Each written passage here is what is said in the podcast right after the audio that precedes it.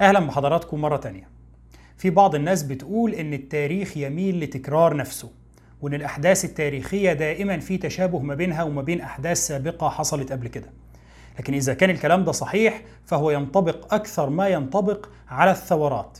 دائما وابدا في ثورة هتحصل وكل ثورة بتتخيل إن هي بتعمل مسار فريد مفيش حد سبقها ليه قبل كده. لكن الحقيقة إن غالبا الثورات بتميل لتكرار نفسها. النهارده هنتكلم عن أهم ثورة حصلت في العصور الحديثة. هنتكلم عن الثورة اللي ألهمت جميع الثورات اللي جت بعدها وأثرت في حياة كل واحد فينا سواء بشكل مباشر أو غير مباشر. النهارده هنتكلم عن الثورة الفرنسية. خليكم معانا. قبل ما نتكلم عن أحداث الثورة الفرنسية لازم نفهم الأول الأسباب اللي أدت لقيام الثورة الفرنسية. إيه اللي خلى الشعب الفرنسي ينفجر ويقرر القيام بثورة؟ علشان كده لازم نرجع ورا شوية علشان نبص على الأوضاع قبل قيام الثورة الفرنسية كانت عاملة إزاي. في العصور الوسطى منظومة الحكم في أوروبا بشكل عام وفي فرنسا على وجه التحديد كانت معقدة شوية. كانت منظومة الحكم وقتها مكونة من طرفين أساسيين. الطرف الأول في منظومة الحكم كان هو الملك. الملك أو الأسرة الحاكمة اللي كان يملك ويحكم يتمتع بكل السلطات عنده سلطة مطلقة. والملك في الوقت ده كان بيحكم بموجب نظرية اسمها نظرية الحق الإلهي في الحكم. ملخص النظرية دي إنه الملك مش بيحكم علشان الناس اختارته يحكم ولا عشان هم راضيين عنه لا. الملك كان بيحكم لأن ربنا اختاره علشان يحكم الناس وبالتالي كان بيتمتع بسلطات مطلقة. وكان الحكم الملكي بينظر له على إنه لو كان الملك ده ملك كويس يبقى ربنا راضي عننا وبعت لنا ملك حلو. لو كان الملك ده ملك وحش فبرضه ربنا اللي اختار لنا الملك الوحش ده. إحنا يعني مش هنقوم نعترض عليه. وبالتالي كانت سلطة الملك سلطة راسخة بشكل لا يقبل التشكيك. الطرف الثاني في منظومة الحكم دي كانوا هم النبلاء. النبلاء دول اللي هم الدوق فلان والكونت مش عارف مين اللي كانوا بيحكموا الأقاليم والإقطاعيات والولايات في فرنسا. الفكرة إن النبلاء كان كل واحد فيهم بيحكم منطقة. وحسب حجم المنطقة دي وحسب تأثيرها بيكون لقب النبيل ده وبيكون حجمه وثقله في البلاط الفرنسي. النبلاء كل واحد منهم كان بيحكم منطقة كان بيمتلك عليها حقوق اسمها الحقوق أو الامتيازات الإقطاعية. يعني إيه الامتيازات الإقطاعية؟ دي الامتيازات اللي بيمتلكها النبيل على المنطقة اللي هو بيحكمها. طيب زي إيه الامتيازات دي؟ زي إنه مثلا الأرض اللي هو بيحكمها دي ملكه. سواء بقى كانت الأرض دي قرية أو كانت مدينة أو كانت إقليم كبير لكن المفترض إن الأرض دي هو يمتلكها. طيب يعني ده شيء مفهوم. النبيل بيمتلك الأرض اللي هو بيحكمها. لكن بالإضافة لكده النبلاء كانوا يمتلكون الناس اللي عايشين على الأرض دي كمان. مش بس بيملك الأرض لكن الناس اللي عايشين على الأرض دي ملكه. كانوا بيسموا النظام ده نظام القن أو القنانة وده نوع من أنظمة العبودية. إنه النبيل اللي بيحكم قرية معينة بيملك أرض القرية وبيملك الفلاحين اللي شغالين في القرية دي. طبعا بالإضافة لكده النبلاء كان عندهم حقوق تانية كتير مرتبطة بالامتيازات الإقطاعية دي. زي مثلا في بعض المناطق كان من حق النبلاء صك العملة. يعمل العملة بتاعته باسمه ويحط عليها صورته ويحط عليها اللي هو عايزه. وفي بعض المناطق التانية كان من حق النبلاء تجنيد الفلاحين. وفي بعض المناطق كان من حقه الاحتفاظ بجيش دائم. العلاقة بين الملوك والنبلاء كانت دايما سيئة على عكس المتوقع إن المفترض إن دول جزء من منظومة حكم واحدة فالمفترض إن هم يكونوا حبايب وسمنة على عسل لا ما كانش ده الواقع. الواقع كان إن الملوك والنبلاء دايما في بينهم مشاكل. والسبب في ده برضه منطقي لأنه في النهاية الملك لو توسعت سلطته ونفوذه ده هيجي على حساب سلطة ونفوذ النبلاء والعكس صحيح. الملك لما يكون قوي وسلطته قوية هينتزع حقوق ومكاسب من بتاعة النبلاء. هو اللي يبقى سلطته أقوى في مقابل ضعف سلطة النبلاء. أما لو النبلاء سلطتهم بقت أقوى وقدروا إن هم يوسعوا نفوذهم هنا السلطة المركزية للملك هتضعف. وعلشان كده في الأغلب الملك والنبلاء كان بينهم مشاكل. الملك يقول لهم أنا سيد البلد دي كلها. أنا اللي أقول ده صح وده غلط وده يتعمل وده ما يتعملش. وليا سلطة على كل مكان في فرنسا. النبلاء يقولوا أيوه ماشي أنت الملك وإحنا بنقسم ليك يمين الولاء وأنت ليك سلطة مطلقة وكل حاجة بس الحتة دي بتاعتنا إحنا. الولاية دي أو القرية دي دي أنا النبيل بتاعها فأنا اللي أمتلك عليها السلطة المباشرة. وبالتالي الصراع ده كان مستمر وعلشان كده ظهرت رمانة الميزان في الصراع ده. الجهة اللي يا إما هترجح كفة الملك يا إما هترجح كفة النبلاء. الجهة دي اللي هي الكنيسة. الكنيسة كانت بتتدخل في الصراع ده باعتبار إن هي بتملك سلطة روحية كبيرة جدا سواء على عامة الشعب أو حتى على النبلاء وعلى الملك نفسه. ما هو الملك والنبلاء في النهاية من رعايا الكنيسة. وبالتالي كانت ليها سلطة قوية جدا تسمح لها بإن هي تكون رمانة الميزان اللي بتوزن أطراف الصراع ده. أحيانا كانت الكنيسة بتتدخل لصالح الملك واحيانا كانت بتتدخل لصالح النبلاء. لكن في الأغلب كان تدخلها بيكون في صالح النبلاء. دايما أو في أغلب الحالات كانت بتنصر النبلاء على الملك. والسبب في ده برضه مفهوم إن كل ما تضعف السلطة المركزية للملك كل ما يكون أسهل للكنيسة إن هي تحصل على امتيازات. استمرت منظومة الحكم في أوروبا وفرنسا تحديدا بالشكل ده لحد القرن ال 14 تقريبا.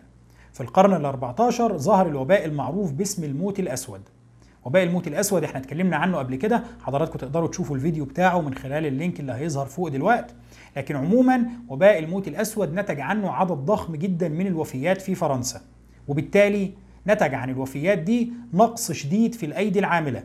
ما بقاش عندنا عدد كافي من الفلاحين زي ما كان موجود قبل كده. طيب وإيه يعني؟ قبل كده كان عندنا المجتمع مقسم إلى طبقتين.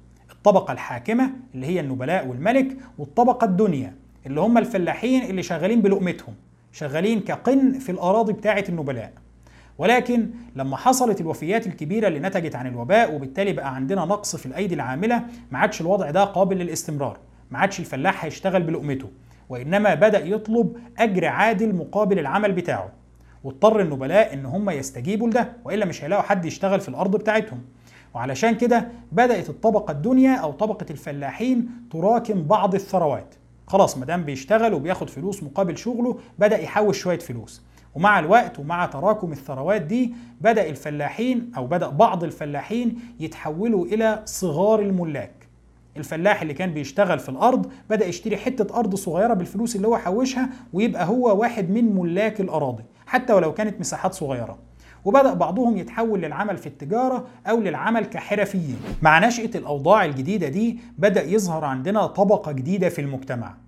لا هي بتنتمي لطبقة النبلاء ولا تنتمي للطبقة الدنيا وإنما اتكونت طبقة جديدة بين الطبقتين دول. علشان كده هتعرف فيما بعد بالطبقة الوسطى أو بالبرجوازية. البرجوازية كده معناها الطبقة الوسطى اللي قدرت من خلال شغلها في مهن أو حرف أو في التجارة من إنها تراكم بعض الثروات. الطبقة دي لا تنتمي لطبقة النبلاء اللي هم يعتبروا عاطلين بالوراثة ورث بس أراضي كتيرة وبياخد الريع بتاع الأرض دي وفي نفس الوقت لا ينتموا للطبقة الدنيا اللي هم يعتبروا شغالين زي العبيد في الأراضي بتاعة النبلاء دول. وإنما هم طبقة جديدة. الطبقة دي بتستمر في النمو خلال عصر النهضة وما بعده وبتتحول لمركز قوة وثقل كبير في المجتمع لأن هي بتكون طبقة عاملة وطبقة متعلمة وطبقة معاها ثروات. لكن بالرغم من تطور الطبقة دي وبالرغم من القوة اللي هي بتوصل لها بعد كده إلا إن ده ما بيترجمش لتغيير في معادلة الحكم. بتفضل منظومة الحكم زي ما هي طبقة عليا فيها كل الامتيازات اللي هي طبقة النبلاء وبعد كده عامة الشعب. طيب يا جماعة والطبقة الوسطى اللي ظهرت جديد دي؟ لا. ما بيتغيرش أي شيء في منظومة الحكم وعلشان كده بيبدأ الوضع ده يتحول لوضع غير مستقر. يهمنا برضو إن إحنا نعرف إنه قبل قيام الثورة الفرنسية فرنسا كان بيحكمها أسرة البوربون. أسرة البوربون كانت هي الأسرة الحاكمة ويمكن واحد من أهم ملوك الأسرة دي هو الملك لويس الرابع عشر. لويس الرابع عشر كان حاكم قوي جدا. قدر يفرض نفوذه على كافة أجزاء فرنسا بشكل فعلي. يمكن هو صاحب المقولة الشهيرة أنا الدولة والدولة أنا. المقولة دي لوحدها تقدر تلخص لنا عهد لويس الرابع عشر. الراجل فعلا قدر إن هو يسيطر على النبلاء اللي كانوا في العهود السابقة بيتحدوا سلطة الملك بشكل كبير جدا وما كانش الملك يقدر يفرض نفوذه عليهم بشكل مباشر. لكن في عهد لويس الرابع عشر بقى له سلطة مباشرة على كل مناطق فرنسا. وقصقص ريش النبلاء دول فبقى مفيش حد فيهم يقدر يتحداه من الناحية السياسية.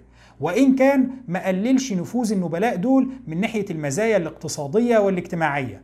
لكن في عهد لويس الرابع عشر اتحولت باريس لمركز حكم الدولة الفعلي وبقى أغلب النبلاء عايزين يقضوا وقتهم كله في باريس. علشان يكونوا قريبين من مركز صنع القرار وعلشان يكونوا قريبين من لويس الرابع عشر نفسه. مركزية الدولة اللي حصلت في عهد لويس الرابع عشر ورغبة النبلاء في إن هم يروحوا يعيشوا في باريس علشان يكونوا قريبين من مركز صنع القرار وعلشان يكونوا قريبين من لويس الرابع عشر نفسه الحركة دي كان ليها تأثير بعيد المدى كبير جدا على فرنسا.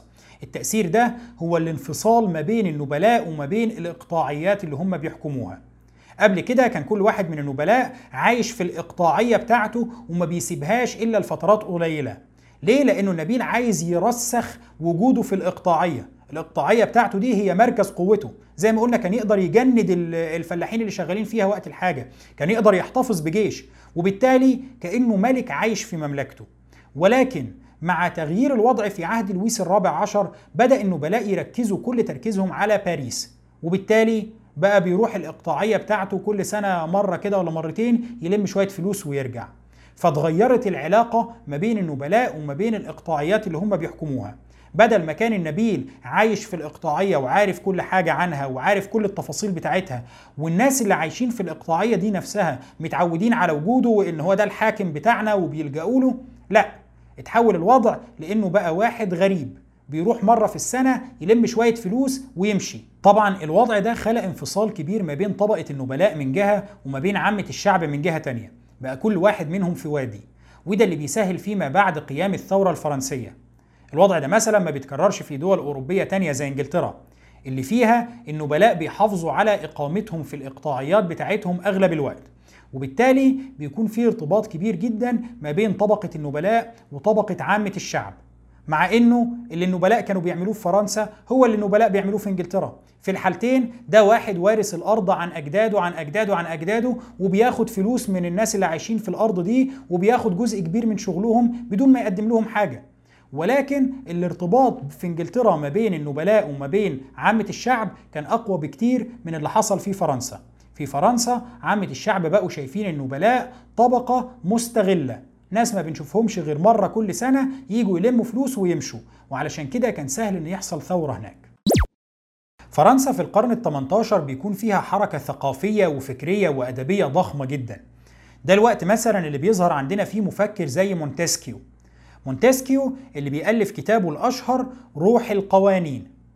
في كتاب روح القوانين مونتسكيو بيدعو لفصل السلطات عن بعضها.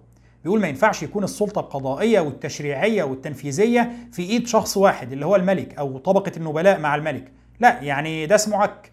إحنا لازم يكون عندنا سلطات منفصلة. فيبقى عندنا سلطة تنفيذية اللي هي الحكومة عندنا سلطة تشريعية اللي هم ناس بتضع القوانين وعندنا سلطة قضائية. ويكون كل واحدة من الثلاث سلطات دول منفصلة عن التانية. ما ينفعش يكون في خلط ما بينهم. ده برضو نفس الوقت اللي بيظهر عندنا فيه مفكر مهم جدا زي جان جاك روسو. جان جاك روسو اللي بيألف كتاب العقد الاجتماعي. في الكتاب ده جان جاك روسو بيقول إن العلاقة بين الإنسان كفرد وبين المجتمع هي نوع من التعاقد. أنا كفرد في جهة والدولة في الجهة التانية. العلاقة بيننا هي نوع من الاتفاق أو التعاقد. بموجب الاتفاق ده أنا كفرد بتنازل عن جزء من حريتي. ما بيبقاش عندي حرية مطلقة إن أنا أعمل اللي أنا عايزه في الوقت اللي أنا عايزه لا. أنا بوافق على الالتزام بالقواعد والقيود بتاعة المجتمع ده. وفي المقابل الدولة أو المجتمع المفترض أن هو بيستغل تنازلي عن جزء من حريتي في تنظيم شؤون المجتمع ككل. ده الصورة المبدئية للتعاقد. وبالتالي أنا كإنسان أو كفرد مش عبد عند الحكومة. مش تيجي الحكومة النهارده تقول لي اعمل كذا أقول لها حاضر. مش يجي الملك يقول لي اعمل كذا أقول له حاضر. لا الموضوع مش كده. الموضوع هو نوع من التعاقد. وعلشان كده الراجل كان شايف إنه لازم التعاقد ده يكون برضا الطرفين. ولو في تغيير في بنود التعاقد لازم تتم برضا الطرفين. يعني يجي ناس ممثلين عن الفرد ده اللي هم جهة تشريعية أو ناس منتخبين يقعدوا مع الدولة ويقولوا لهم والله يا جماعة إحنا شايفين إن أنتوا تعملوا كذا وده الصح وده الغلط وبالتالي تكون شروط التعاقد ملزمة للطرفين للدولة وللفرد. ده برضو نفس الوقت اللي بيظهر عندنا فيه كاتب مهم زي فولتير. فولتير اللي بيكتب كتابات ومؤلفات كتيرة جدا في انتقاد سلطة الكنيسة وفي انتقاد سلطة الدولة الكبيرة. قبل قيام الثورة الفرنسية بوقت بسيط بيظهر عندنا مسرحية في فرنسا اسمها مسرحية زواج فيجارو. مسرحية زواج فيجارو هي مسرحية بتنتقد امتيازات النبلاء وسلطاتهم وحياتهم بشكل عام. بتنتقدها بشكل كبير جدا. في البداية المسرحية دي بتعمل ضجة ضخمة في باريس. وبسبب الضجة دي المسرحية بيتم منعها من العرض. ولكن مع استمرار الضجة واستمرار الدفاع عنها بتضطر الدولة إن هي تستسلم وبيتم عرض المسرحية في باريس. عرض مسرحية زي دي في حد ذاته بالأفكار دي ممكن يدينا فكرة كويسة جدا عن الرأي العام في فرنسا في الوقت ده كان عامل إزاي. طيب إحنا بالشكل ده بقى عندنا وضع غير مستقر بشكل عام. يعني منظومة الحكم اللي كانت موجودة أصبحت غير معبرة عن الواقع. المنظومة بتاعت الحكم دي معتمدة على طبقة من النبلاء وطبقة من عامة الشعب لكن مش حاطة في اعتبارها إن في طبقة جديدة ظهرت وإن الطبقة دي بقى ليها وزن وثقل في المجتمع وإنها عايزة يبقى لها دور في الحكم. طيب وضع غير مستقر مش معناه بالضرورة قيام ثورة. عادي الوضع غير المستقر ده ممكن ينتج عنه تغيير تدريجي. ويبدأ المجتمع يتغير واحدة واحدة وواحدة في واحدة الطبقة الوسطى دي يبقى لها دور في منظومة الحكم. وخلاص والأمور تمشي بشكل تدريجي على مدى عشرات السنين. لكن إيه اللي يخلي الوضع غير المستقر ده ينفجر ويتحول لثورة؟ الشيء اللي انضاف للمعادلة دي وفعلا خلى الوضع ينفجر كان هو المصاعب الاقتصادية. شوية مشاكل اقتصادية وضغوط اقتصادية على الناس مع وضع غير مستقر زي ده كان لازم ينتج عنه انفجار وثورة كبيرة زي الثورة الفرنسية. قبل الثورة الفرنسية فرنسا كانت بتمر بأزمة اقتصادية كبيرة جدا. في الوقت ده فرنسا كان بيحكمها الملك لويس السادس عشر وده كان ملك أضعف وأقل كفاءة بكتير من واحد زي لويس الرابع عشر اللي إحنا اتكلمنا عنه. عموما في الوقت ده فرنسا كان عندها زيادة سكانية ضخمة جدا.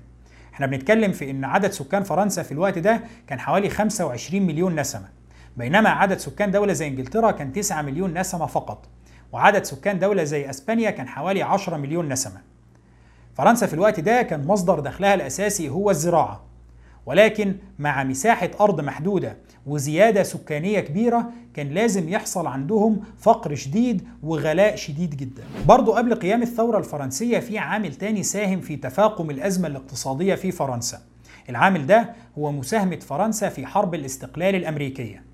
في الوقت ده المستعمرات اللي كانت تابعة لإنجلترا في القارة الأمريكية عملت ثورة على الحكم الإنجليزي وقررت إن هي تستقل وتكون دولة مستقلة. الدولة دي اللي هي هتعرف فيما بعد بالولايات المتحدة الأمريكية. في الحرب دي إنجلترا دخلت بكل قوتها علشان تقمع الثورة دي وتستعيد حكمها في المستعمرات. وهنا فرنسا لقت فرصة إن هي تضعف العدو التقليدي بتاعها اللي هو إنجلترا. وساهمت فرنسا في دعم المستعمرات الأمريكية في الحرب بتاعتها ضد إنجلترا بمنتهى القوة. المساهمة دي فعلا نجحت وفي النهاية انتصرت المستعمرات في الحرب ضد إنجلترا وتحولت لدولة مستقلة اللي هي الولايات المتحدة الأمريكية. وهنا إنجلترا خسرت جزء مهم جدا من مصادر قوتها ومن مستعمراتها في الخارج. وخرجت فرنسا من الحرب دي منتصرة ومرفوعة الرأس. ولكن الانتصار ده ما كانش ببلاش. فرنسا صرفت كتير جدا في الحرب دي لدرجة إنها بقت على وشك الإفلاس. في الفترة دي الملك لويس السادس عشر جاب اقتصادي فرنسي مهم اسمه نيكر. راح للراجل ده وقال له شوف لنا حل في الميزانية اللي خربانة والبلد اللي هتفلس دي. نيكر فعلا عمل شوية حلول بحيث إن هو ينقذ البلد من الإفلاس. والحلول دي فعلا نفعت لمدة كام سنة؟ ولكن بعد كام سنة رجع الوضع تاني يبوظ. ما زال البلد فيها عجز اقتصادي كبير وما زال الأسعار بتغلى وما زالت البلد على وشك الإفلاس. وعلشان كده كان لازم يكون في حل بديل. طيب الناس كلها كانت متفقة إنه لازم يكون في حل بديل. ولكن الخلاف كان على الحل ده هيجي منين؟ الملك والنبلاء والكنيسة كانوا شايفين إنه الحل بسيط. ناخد شوية ضرائب زيادة من الناس نعمل نغطي بيها عجز الميزانية بتاعتنا وخلاص. الأمور واضحة. في حين إنه الشعب كان شايف إنه لا أنا مش هحارب لوحدي. يعني لو أنا معايا فلوس أنتوا معاكم فلوس أكتر. فما دام كده يعني هتفرضوا ضرائب زي ما هتفرضوا ضرائب على الشعب افرضوا ضرائب على النبلاء وعلى ممتلكات الكنيسة وعلى الناس اللي معاهم فلوس. في الوقت ده كان عدد النبلاء يمثل حوالي 1% من الشعب الفرنسي. 1% بس من الشعب الفرنسي كانوا بينتموا لطبقة النبلاء. بينما كانت طبقة النبلاء بتمتلك حوالي 20% من الأراضي في فرنسا. في نفس الوقت كان عندنا نص في المية من الشعب الفرنسي بينتموا إلى طبقة رجال الدين بينما الكنيسة كانت بتمتلك 10% من مساحة الأراضي في فرنسا وبالتالي كان عندنا أقل من 2% من الشعب الفرنسي بيمتلكوا حوالي تلت الأراضي الموجودة في فرنسا. في نفس الوقت ده كان دخل الكنيسة السنوي من الأراضي والعقارات التابعة ليها حوالي 130 مليون جنيه. وفي نفس الوقت كان بيدخل للكنيسة 120 مليون جنيه تانيين في صورة العشور. العشور اللي هي نوع من الزكاة اللي بيدفعها المواطن المسيحي التابع للكنيسة. المبالغ دي كان ممكن بجزء بسيط منها يتحل الأزمة بتاعت فرنسا. ولكن المشكلة ما كانتش في إن كل الثروات دي مركزة في إيد نسبة بسيطة من الشعب الفرنسي. المشكلة كانت إن كل الثروات دي معفاة تماما من الضرائب. وزير المالية الفرنسي جمع مجلس اسمه مجلس الأعيان. مجلس الأعيان ده كان مجلس مكون فيه أساسه من النبلاء ويعين الملك أعضائه الملك هو اللي كان بيعين أعضاء المجلس ده. جمعهم وزير المالية الفرنسي وقال لهم بصوا يا جماعة الوضع كذا كذا ودي الأرقام ودي الميزانية بتاعتنا وزي ما أنتم شايفين عندنا عجز كبير. ولازم نشوف حل للموضوع ده. فانتوا يعني شوفوا باعتباركم مجلس للأعيان والناس المهمين اللي في البلد شوفوا إحنا إزاي نقدر نحل المشكلة دي. الراجل كان متخيل إن هو لما يجمع مجلس الأعيان ويعرض عليه الأزمة كده هيقوم بقى مجلس الأعيان يتحمل المسؤولية ويقول له خلاص إحنا هنساهم بمبلغ كذا أو إحنا هنفرض على نفسنا ضرائب أو هنوافق على فرض ضرائب علينا بالنسبة الفلانية. مساهمة منا في حل الأزمة بتاعة الأمة الفرنسية. والحقيقة إن هم لو عملوا كده كانت الأزمة دي كلها اختفت وربما ما كانتش قامت الثورة الفرنسية لأنهم كانوا هيظهروا بمظهر الناس اللي خايفين على مصلحة فرنسا وبيضحوا علشانها وبيشاركوها في أزماتها. ولكن اللي حصل كان إن مجلس الأعيان طلع أغبى من كده بكتير. مجلس الأعيان قالوا أيوه بس يعني طب إحنا هنعمل إيه؟ آه يعني البلد أيوه فيها أزمة فلوس فعلا والله معاكم حق. بس إحنا هنجيب فلوس منين؟ ده إحنا كمان ما معناش فلوس. الدنيا بايظة خالص. وعلشان ما يبانش إن مجلس الأعيان يعني بيتنكر للبلد وبيدوا للبلد ظهرهم في الوقت اللي هي محتاجاهم فيه قرروا إن هم يجيبوها بشكل مختلف. فبدل ما يقولوا لهم لا إحنا مش دافعين قالوا لهم بصوا يا جماعة موضوع الإصلاح الاقتصادي ده موضوع كبير. مش إحنا اللي نعرف نفتي فيه إحنا يا دوب مجلس الأعيان. لكن الموضوع ده محتاج إنه يكون في مجلس يعبر عن طبقات الأمة الفرنسية كلها علشان يشارك في الموضوع ده ويدلي فيه بدلوه. هم طبعا قالوا الكلام ده باعتبار إن هم يعني بيرموا المشكلة لقدام. ربنا يسهل بقى إحنا نبقى نجمع مجلس يمثل طبقات الأمة الفرنسية ونقعد نتناقش وبعد المناقشة دي نشوف حل للأزمة الاقتصادية اللي في فرنسا. وكانوا متخيلين إن هم كده بيريحوا دماغهم دلوقتي وبعدين ربنا يبقى يحلها بقى ساعة ما يتجمع المجلس ده نبقى نحاول نقنع المجلس إن هم ياخدوا الفلوس دي من الفقراء بس أو من عامة الشعب بس. ولكن اللي مجلس الأعيان ما كانش متخيله إن هو كده بيشنق نفسه بنفسه. مجرد موافقتهم وطلبهم بإنه يكون في مجلس يمثل طبقات الأمة الفرنسية كان اعتراف منهم بإنه خلاص هم بيسلموا سلطة تمثيل الشعب الفرنسي للمجلس اللي هينتخب ده. وبالتالي خلاص مجلس الأعيان ده بقى ملوش لازمة. المجلس اللي بيقرروا إن هم هينتخبوه علشان يمثل الأمة الفرنسية بيسموه مجلس الطبقات. بيسموه بالاسم ده لأن هو المفترض إنه بيعبر عن طبقات الشعب الفرنسي. الطبقات دي اللي هي ثلاث طبقات. الطبقة الأولى اللي هي طبقة رجال الدين. الطبقة الثانية اللي هي طبقة النبلاء. بينما الطبقة الثالثة اللي هي عامة الشعب واللي بيسموها الطبقة الثالثة. بيسموها بنفس الاسم ده. عموما في إطار الاستعدادات والتحضيرات اللي كانت بتتعمل علشان انتخاب المجلس ده بيصدر في يناير سنة 1789 كتيب أو منشور سياسي بيألفه واحد من اللي هيبقوا قادة للثورة الفرنسية فيما بعد اسمه سييز.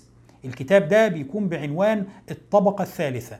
وفي الكتاب ده سييز بيحاول يلخص يعني تطلعات الطبقة الثالثة في الحياة السياسية بتاعه فرنسا.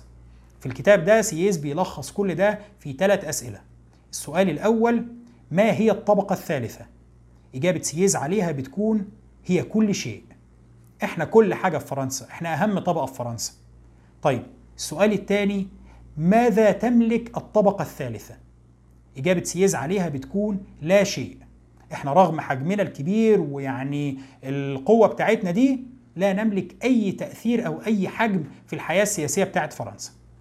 طيب السؤال الثالث ماذا تريد الطبقة الثالثة؟